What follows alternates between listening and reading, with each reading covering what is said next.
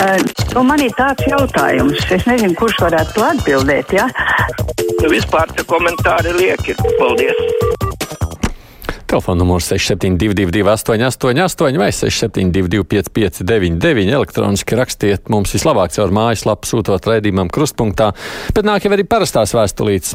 Sarmīta Eizentāle atsūtījis, sakot tā, ka viņa draugu esot savu poti jau dabūjusi, draugus esot pieteiks 22. februārī viņam kā dzimšanas dienas dāvana. Un arī māsai 86 gadu vecumā nebija problēma vakcinēties. Viņa saka, nav tā, ka seniori atsakās, tā nav taisnība. Viņa domā, laikam pa ielas staigā kādas sektas vai konfesijas pārstāvs un aģitē nevakcinēties. Un mudina arī mūs vairāk runāt joprojām par šo tematu. Halo! Nedzirdējos, labdien! Halo! Man tāds aizdoms, ka es vispār nedzirdu neko. Vai kāds jau ir saņēmis jaunos rēķins par apkuri, prasa Edgars, kas kurina ar akmeņoglēm? Cik liels ir cenas pieaugums salīdzinot ar iepriekšējo sezonu? Nu, ja kāds var atbildēt cienījamam Edgaram, kurš kurina ar akmeņoglēm, to gan es nezinu. Halo! Halo! Jā, Halo. jā lūdzu. Vai radio? Radio, jā. Mhm. Jā. Sakiet, lūdzu, varu runāt? Droši, droši. Sakiet, lūdzu, tādu lietu, divas lietas. Rīgā tak ir uzskaitīti tie slimnieki, kuri nav ārstējami, bet, bet nu, sli, grūti ārstējami. Es arī esmu tai uzskaitē. Aizvakar aizbraucu potēties, parādīju analīzes un pateica, jums nevar potēt, jums ir augsts, ekstremi augsts antivielu titris. IGE kopējais 1202. Un viņa saka, mums ir aizliegts farus potēt. Nu, kāpēc neviens netiemien šitos, kuri nevar potēties? Ir tak visādas slimības uzskaitē Rīgā, ir tur speciāli, es esmu pieteikusies, talonu iedeva. Es nevarēšu komentēt, jo es neesmu šajā ziņā zinošs. Es gan nesapratu, par kurām antivielām ir runa. Izklausās tādā ziņā, ka jūs tā kā esat pārslivojis ar covid un tāpēc jūs negribējat vakcinēt. Es neuztvēru taisnība, varbūt kāds zinošāks. Tad mums jautājumi vairāk nekā šobrīd atbildžu. Katra raksta veiksmi darbos un nedarbos. Vēlu visiem, vēlos visiem atgādināt, lūdzu, lieciet atstarotājus, ejot pa ielu. Ārā ir nenormāli tumšs, un pat ielas pilsētas ielās ar apgaismojumu gājējus ir grūti ieraudzīt. Mūs taču visus kāds gaida mājās. Visādi citādi veiksmi un veselību. Paldies, Kati, par vajadzīgu atgādinājumu. Halo! Runājiet! Halo! Jā, lūdzu, lūdzu! Lūdzu, es vēlējos pajautāt, ko nozīmē tāds termins kā tā naida runa, kas tagad ir ieviesies. Ko, ko, ko, tas, no, ko tas nozīmē no sevis izsaka? Nu, tas jau ko kurš saprot tajā brīdī, bet es teikšu tā, tajā brīdī, kad jūs nosaucat par uh, nacistu, kuru vajadzētu nošaut, tad es teiktu, tā ir naida runa. Un tā es arī to tulkoju. Tagad notiek skandāls par CO2 mērītāju iepirkumu skolām. Bet kāda jēga no tiem mērītājiem, kuriem tērēs miljonus, lai noteikti, kad atvērt logus vai ieslēgt ventilāciju? Nu, nosakiet, ka skolās logs vērt vaļā un ventilāciju vajag ieslēgt pēc katrām 30 minūtēm vai kā citādi, un tad nevajag nekādas dārgas mērītājas. Paši par sevi jau tie mērītāji vairāk gaisa nedos, raksta. Alda, nu, un zināmā mērā ir taisnība no pašiem mērītājiem situācija, protams, ka skolās labāka nepaliks. Halo! Tomson kungs, jūs man dzirdat? Dzirdam, jā. Mhm. Uh, tieši rīt būs raidījums. Tas pirmais jautājums, ko jums uzdevu tieši par šo imunitāti un visām tām antivielām, tas būs kā labāk dzīvot. Jums vajadzētu vairāk reklamēt šos raidījumus, mm -hmm. jo tieši piekdien bija atkal raidījums, kā Covid slimnieki ir jāārstējas mājas apstākļos. Neviens jau doktors nebrauks. Ir jāzvan ģimenes ārstam, bet ļoti svarīgi ir mērīts skābekļa satura ar oksimetru. Ja tas krītas, tad tas jau ir kritiski, nu kā ir šie oksimetri un kas prot to, tad jau vajadzētu avīs, kā ir jāārstējas. Bet tieši rīt būs speciāls raidījums, kā labāk dzīvot par to imunitāti. nu, lai tā, tā zvanītāja to noteikti klausās. Mm -hmm, paldies par ļoti vajadzīgo arī atgādinājumu, ja reklāma taisnība klausieties, jo tiešām kā labāk dzīvoju regulāri šiem jautājumiem atbild. Tas, par ko es tur samulsu, es nesaklausīju, par kādām antivielām kundze runāja, bet noteikti rīt vajag izmantot iespēju, tad zvaniet starp 9 un 10 tajā laikā un uzdodiet šo jautājumu, kur jūs tagad šeit sacījāt. Ja var ticēt LSM un neticēt veselības ministrijai, tad secinājums, ka mājasēdes laikā būtiski krīt saslimušo nevakcinēto skaits, bet vakcinēto slimo skaits turpina pieaugt. Tad ir saprotams, kāpēc ASV vakcinētiem pieprasīs PCR testu. Un Vācijā domā piešķirt bezmaksas tests arī vakcinētajiem rakstārnes. Nu, te jau vairākas lietas, droši vien, kuras jau, man liekas, es esmu arī tik daudz minējis, gan runājot par to, kāds ir vakcinēto un nevakcinēto īpatsvars, gan arī, protams, runājot par to, kas notiek, ejot laikam ar vien tālāk no, no, no tās uh, vakcinācijas, kad jau pirmās divas pocis ir saņemtas senāk. Halo! Labdien! Labdien! Es gribēju par šādu lietu, ka arī jūs Latvijas rādio viens ētrā reizēm atskan mazliet nekorekta informācija. Nu, nu non-stopā es neklausos, bet pēdējo reizi es dzirdēju ziņās vakar piecos. Tas ir par pabalstu 20 eiro 60 plus vecumā. Jo tika, nu, diktori teica tā, ka vakcinētiem pensionāriem. Nu, nav tā. Ir senioriem 60 plus, vakcinētiem senioriem 60 plus.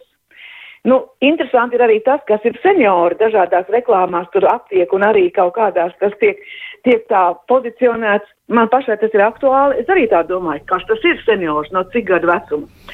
Bet tā tad īstenībā mhm. ir tā, ka nevis vakcinētiem pensionāriem, bet vakcinētām personām virs 60. Paldies par jā, precizējumu. Tā tas ir, kā jūs sakāt. Uh, nu, es saprotu, kādā brīdī laikam tur bija izteicies arī seniors 50, plus, tā kā es jau arī esmu senioru kārtā. Es, pensiju neviens nedod. Ai, ai, ai.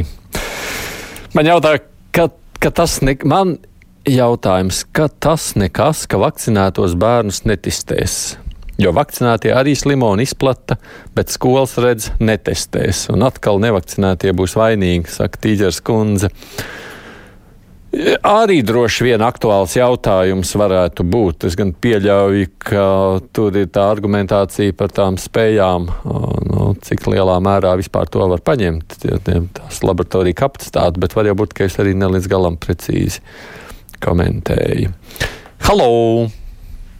Jā, labdien. labdien. Pirms momenta viņa viens kungs tur atgādināja par atstarotāju lietu, lietošanu. Jā, kundze, jā. Man mm -hmm. saka, ka, jā, iespējams, man viens mhm. sakāmais tad ir atkal par gājēju pārējām un par braukšanu velospēdu pār gājēju pārējām. Jo tas, kā velospēdīt vispār neskatoties ne uz vienu, ne uz otru pusi, pilnā ātrumā dragā pāri gājēji pārējām, tas ir vienkārši pašnāvnieciski un tas uh, man šķiet tāds jauns, uh, nu, kā saka, atvasinājums no vārda donors, donorības veids. Jā.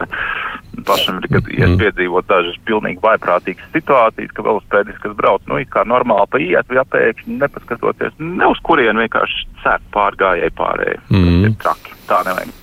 Paldies par atgādinājumu arī šo, protams, neapšaubām visiem. Uh, no, uh, Divriteņi, ja velosipēdisti jau ātri to saprot tajā brīdī, kad nokļūst nepatīkamā situācijā, bet nevajadzētu līdz tai nokļūt. Vai pēc visiem šiem hibrīdu uzbrukumiem valsts spējas galā tikt ar to schizofrēnisko masu un iegrozot domāšanu veselīgā virzienā? Kungs raizējas par visu to, kas notiek informatīvajā laukā. Halo! Sakiet, lūdzu, es varu tagad runāt? Jā, jā, droši. Man interesē tāda lieta. Vienmēr te ziņās saka, ka uz Baltkrievijas un Latvijas robežu ir aizturēti tik un tik. Bet lietuvieši tai pašā laikā ziņojot to, cik aizturēt, ne tikai aizturēt, viņi saka, sūta atpakaļ uz Baltkrieviju. Kāpēc mēs to nedaram? Mums cik saka aizturēti? Kur tad tie cilvēki paliek, kad aizturēti? Viņi taču atpakaļ laikam nesūta uz Baltkrieviju no Latvijas. Es jau gan saprotu, ka, ja runājam par aizturēšanu, to jau ir diezgan pamaz.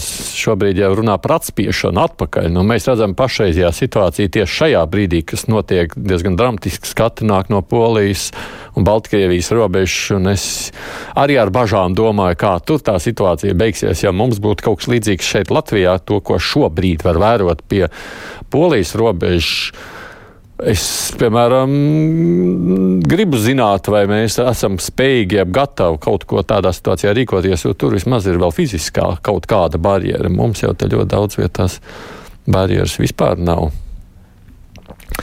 Aida, vai jums ir zināms kaut kas par Mārtiņa dienas svinēšanu baznīcā, kam tagad ir pieņemti īpaši noteikumi? Vai tas nav tuvāk pagānismam, brīnās Aija?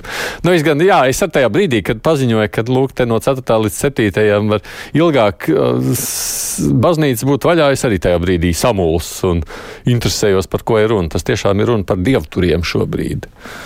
Nu, tur jau būt, ka arī kādās baznīcās to vairāk piemina. Halo! Halo! Lūdzu! Labdien!